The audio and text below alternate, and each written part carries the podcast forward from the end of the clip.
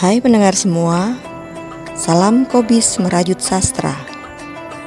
Pada Ramadan 2022 kali ini, Kobis Merajut Sastra akan menemani kalian dengan rangkaian cerpen selama sebulan penuh. Setiap cerpen akan dibuat berseri dalam 2 sampai 3 bagian. Tujuannya agar pendengar tetap bisa mendengarkan kisah-kisah sastra di sela-sela rangkaian ibadah Ramadan. Selamat mendengarkan.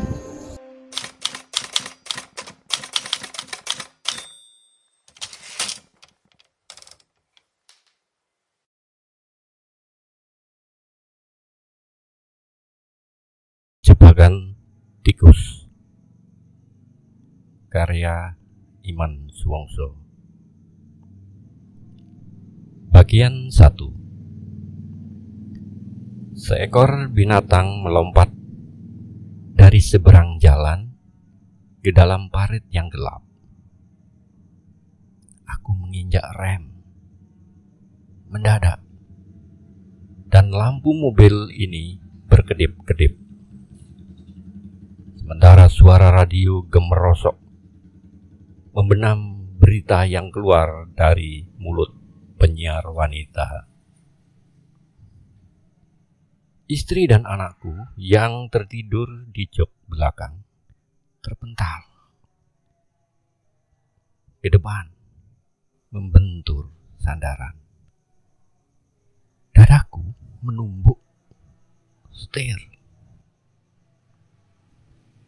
Ada apa, Pak?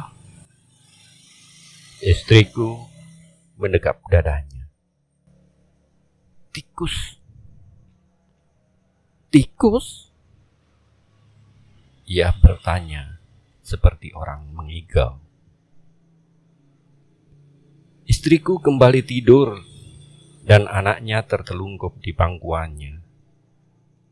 Aku memandangnya beberapa saat sebelum melanjutkan perjalanan. Mereka kelihatan benar-benar mengantuk. Kepalanya meneleng ke dinding mobil. Sejenak kemudian, suara radio kembali normal. Suara manis itu tertahan-tahan karena semangatnya menyampaikan berita. Uh, seekor tikus kabur di, uh, dari kurungannya. Masyarakat menyesalkan keteledoran penjaganya yang mengakibatkan binatang pengerat itu tidak diketahui lagi rimbahnya. Para komentator sambung menyambung memberikan pendapatnya tentang tikus yang kabur itu sepanjang perjalanan kami. Komentar mereka menyiratkan penyesalan sekaligus kekhawatiran terhadap dampak yang mungkin ditimbulkan. Aku hanya tertawa sepanjang kata-kata yang tertangkap telinga. Bagiku berita ini hanya sebuah lelucon, hanya seekor tikus, mampu membuat mereka gerah. Sementara banyak tikus lain bebas berkeliaran. Ini kan kota tikus gumamku. Aku memutar gelombang radio untuk memperoleh sumber lain. Tetapi program-program itu seragam pembicaraannya. Ya, selamat berkoar-koar memburu tikus, teriakku. Istriku terbangun. Tikus lagi? Tetapi secepat angin istriku kembali tidur. Aku besarkan volume radio sambil menyulut rokok. Aku biarkan penyiar itu yang kubayangkan keberatan kumis membeteti tikus di tingkah suara radio.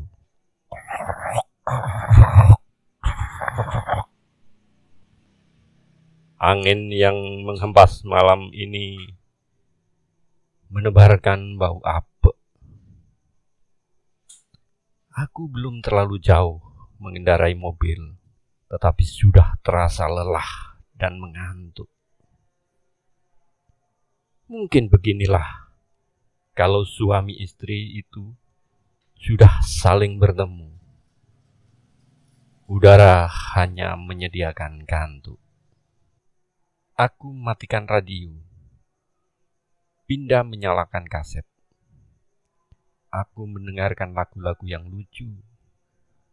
Aku terbang ke langit, ke dunia bintang-bintang. Bintang? Bagaimana jika engkau jadi tikus? Kataku sambil tertawa. Bintang-bintang di bingkai kaca mobil itu hanya berkedip-kedip, seperti menolak permintaanku. Sejenak layu oleh saputan awan. Tentu saja kau tak akan sanggup, bisikku. Dua tahun lalu, masih segar ku ingat seekor tikus mencuri sebiji singkong. Ia dikejar beramai-ramai sampai tertutup segala lubang persembunyiannya. Tidak khayal, karena tikus yang ini tidak berpengalaman. Segera dapat ditangkap di bawah remang-remang bulan purnama. Ia disikat sampai moncongnya berdarah perutnya yang tipis dijotos. Dia hampir saja matang oleh jilatan api kompor gas yang disemprotkan ke arahnya kalau tidak segera dicegah dan diamankan. Sementara singkong yang dicurinya sudah amblas. Entah ke mana larinya. Barangkali jatuh di sungai di bawah hanyut arus air yang pekat. Tikus yang lapar, katanya. Yang dikutip sebuah media dalam interogasi. Tikus lapar? Apa anggota komplotan tikus yang pura-pura lapar? Sungguh mati saya lapar. Api rokok menyulut punggung tikus. Kulitnya melepuh, merah, diameter satu sentimeter. Serta merta tikus itu mengaku. Akhir dari peristiwa kelaparan itu, lima tikus dikurung. Dan tikus lapar itu amat menyesali kebohongannya. Akibatnya, tikus yang tidak tahu apa-apa harus direnggut waktunya. Ada apa sih, Pak? Tanya istriku sambil mengucap matanya yang sipit dan belum memutih.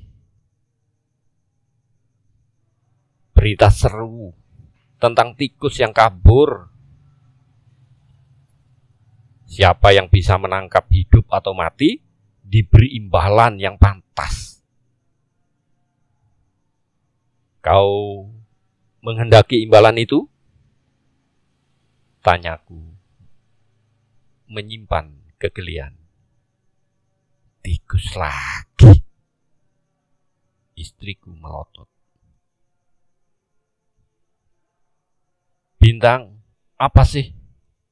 Pak yang paling pintar? Tanya Randy anakku. Apa sayang? Tikus dong, jawab anakku ringkas. Tikus? Aku dan istriku terbelalak. Iya, Pak. Kalau dia tidak pintar, pasti televisi itu tidak akan menyiarkannya dengan seru. Aku dan istriku saling memandang.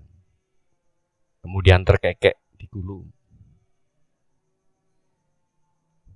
Berita terpanas tentang tikus adalah ketika semua yang tersimpan di dalam berangkas itu hampir ludes dikerat.